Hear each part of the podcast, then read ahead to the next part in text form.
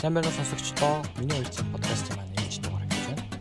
Өнөөдөр бид нар Ганбатын мөнгөн гэдэг хүний зохиосон хадгаламж өлсөхөөс эхлэн буюу 6 дансны арга гэдэг номын талаар ярилцгаолно. Энэ номыг ярих гэж байгаа зорилго маань бол улс төр эрх чөлөөний хувьд бид нар 100 гаруй жилийн өмнө манжийн дартлаас гарсан шүү дээ. Гэхдээ эдийн засаг санхүүгийн хувьд бол яг тэр үеийн нөгөө зээлийн хүү ч юм уу хүүгийн бодолд өрөөс өрийн хооронд амьдарч байгаа тэр муухагаар хэлэх юм бол яг манжин үеийн тогтолцоо одоо ч гэсэн хэрэгжиж байгаа юм шиг болчихжээ. Тэгэхээр өнөөдөр бид нар хадгаламжийн талаар хамгийн түгээмэл гардаг асуудлуудыг товч өгөөд тодорхой ярилцъя гэж бодлоо. Хэрхэн дөрмийн дагуу хадгалах вэ гэсэн асуудлыг ярихын өмнө хүмүүс ер нь юунаас болоод хадгалж чаддаггүй юм бэ гэсэн асуултанд манай номын зохиолч мөнгөний жишээг дурдъя. Номын зохиолч маань тухайн үедээ бол дийлэн хүмүүсийн адилаар санхүүгийн сахилга бат хүн нэг юм байсан түрээсийн байранд амьдарч мөртлөө сүүлийн үеийн гой ганган гэсэн болгоныг байдаг мөнгөөрөө авчихдаг. Бидний ихэнх нь баян харагдахын төлөө гаднаа гяланцаг, дотроо паланцаг гэдэг шиг байгаа болсон байгаа. Номдор гарсан нэг чиг дурдах юм бол 5 үнээс 1 1 сая төгрөг зээлсэн байгаа. 5 сая төгрөгийн өртөө. Тэгээ тавуулаа уцтаад нэхэд дараа болоод хаарна. Ерөөсө банкнаас зээлгээд өгчэй гэж шийдээд.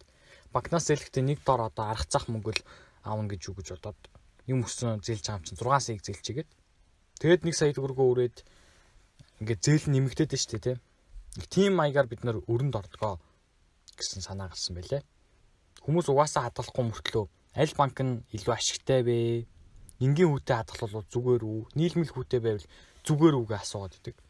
Зүгээр хадгалаад эхэлчих юм бол таны тууштай байдал сахилга бот чинь тэр банкны хүүгээс ч илүү ашигтай гэж хэлмээр байна машин зохион бүтээгч Хенри Порт хэлдэгчлэн чадна гэвэл таны зөв та чадна. Чадахгүй гэвэл бас таны зөв та чадахгүй.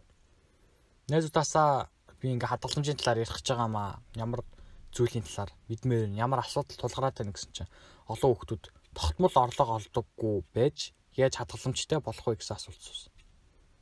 Ямар ч насны хүнд ер нь тогтмол орлого орлого олохгүй байх гэж юусоо байдгүй юм байна л та. За яах вэ? Дэлгүүрийн хариулт мөнгө ч юм уу эсвэл ээж аавынх нь өгсөн хармааны мөнгө сургуулийн сурагчдын бол орлого гэж тооцож болно. Их мөнгө байна уу, бага мөнгө байна уу ерөөсөө хамаагүй.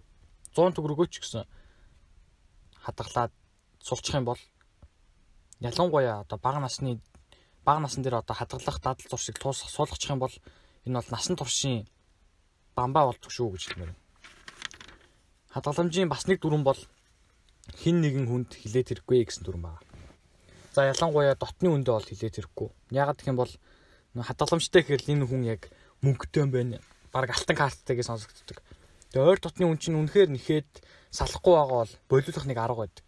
Манай зохиолчийн маань хэрэгэлсэн арга. Тэр нь тэр нэхэд байгаа үнээс мөнгө зээлэх арга.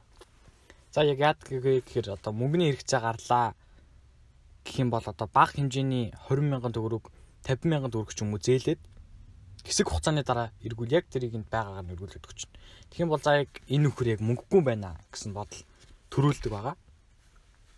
Одоо хадгалах шалтгааны талаар багах ярий. Бид нар юуны төлөө ингээл зовоол мөнгө өрн тарыг хийх ёстой. Тэг ганц л амьдрий гэж бодож байгаа хүмүүс байж магадгүй л те. Гэхдээ өвчин гэдэг чинь юу н хилж ирдэггүй, хийсч ирдэг гэдэг штеп. Монгол улс маань хорт хавдраараа дэлхийд нэлээд өндөрч ихсэж байна 3хан саяулаа мөртлөө те муугаар авах юм бол бидний ойр дотны хин нэгэн маань туслаа гэж бодох юм бол үүнд бэлэн байх хэрэгтэй. Хоёрдугаарт би өөрөө их хүнд ингээд сүрприз барих дуртай үлээ. Магадгүй хайртай хин нэгний чинь төрсөн өдөр тэмдэглэл баяр болох юм бол хүн хүнээс гуйж одоо царай алдахгүйгээр өөрөө л гаргачих юм бол айгүй зүгээр. Гуравдугаарт бид нэр заавал боловсролд хөрөнгө оруулалт хийх хэрэгтэй. Бидний үр хүүхэд тэ ингээл ихэнх эцэгчүүд тарагддаг нэг алдаа бол байрыг бэлдээд өгч чинь, машиныг бэлдээд өгч чинь те. Гэтэ яг ингээд хүч хөдөлмөрөөрөө холтлох ёстой нэг тийм юмнуудыг ингээд эцэг нь аваад өчгөр жоохон аз жаргалгүй ч юм уу амьдраад байдаг талтай гэж дурдсан байлээ. Хадгаламж бол зүгээр л нэг мөнгөө талыг хадгалаад тэгээд үрээд байх зүйл бол биш ээ. Энэ бол амьдралын хэв маяг, дадал зуршил бүх зүйлээ өөрчлөх хэрэгтэй болдог нэг зүйл юм аа минималист амьдралаар амьдрдаг бол ерөөсөө танд хадгаламжтай байхад чинь хамгийн их хөшрөг болж өгнө шүү гэж хэлмээр байна. Одоо ингээд дүгнэлтэх юм бол хадгаламж өсөхөөс эхэлнэ. Би бол энэ номыг мартах гад одоо нэг уншсан зүйлийн 10% толгойд үлддэг гэдэг штэ тий. Тэгж байгаа л ч юм уу нэг хэдэн жилийн дараа ор тас алга болчих юм бол би зүгээр нэрийг л саная гэж боддог. Хадгаламж өсөхөөс эхэлнэ. Яагаад энэ өсөхтэй холбогч нь вэхээр ингээд гэтээ энэ бол ерөөсөө өсөх одоо хоол ундгүй байх тэгж ядрахын өсөх бол биш. Хэцүү зүйлдээ мөнгө зарцуулахгүй хураах төвчээрийг л хэлээд байгаа хэрэгтэй хүссэн зүйлдээ одоо мөнгөө зарцуулах санхүүгийн сахилга батыг л хилээд байгаа гэсэн үг. Манай номын зохиолчийн одоо хэрэгэлдэг хувцас, эдэл хэрэгсэл, цаг маг ч юм уу те бүгдээрээ бэлгэнийх альсвал бартер солилцооных гэж дурсан байлээ. Америкийн ерөнхийлөгч байсан Бенджамин Франклин гэдэг хүн те 100 доллар дээр байдаг мэдчихэж байгаа. Үр тавиад маргааш өглөөс ирснээс өнөөдөр хоол идэхгүй унтъя гэж хэлсэн байт юм бэл. Үр зөөл гэдэг бол маргаашийн зовлонг өнөөдрийн жаргалаар худалдаж авч байгаа л гэсэн үг ээр энэ удаагийн дугаараа өндөрлөе.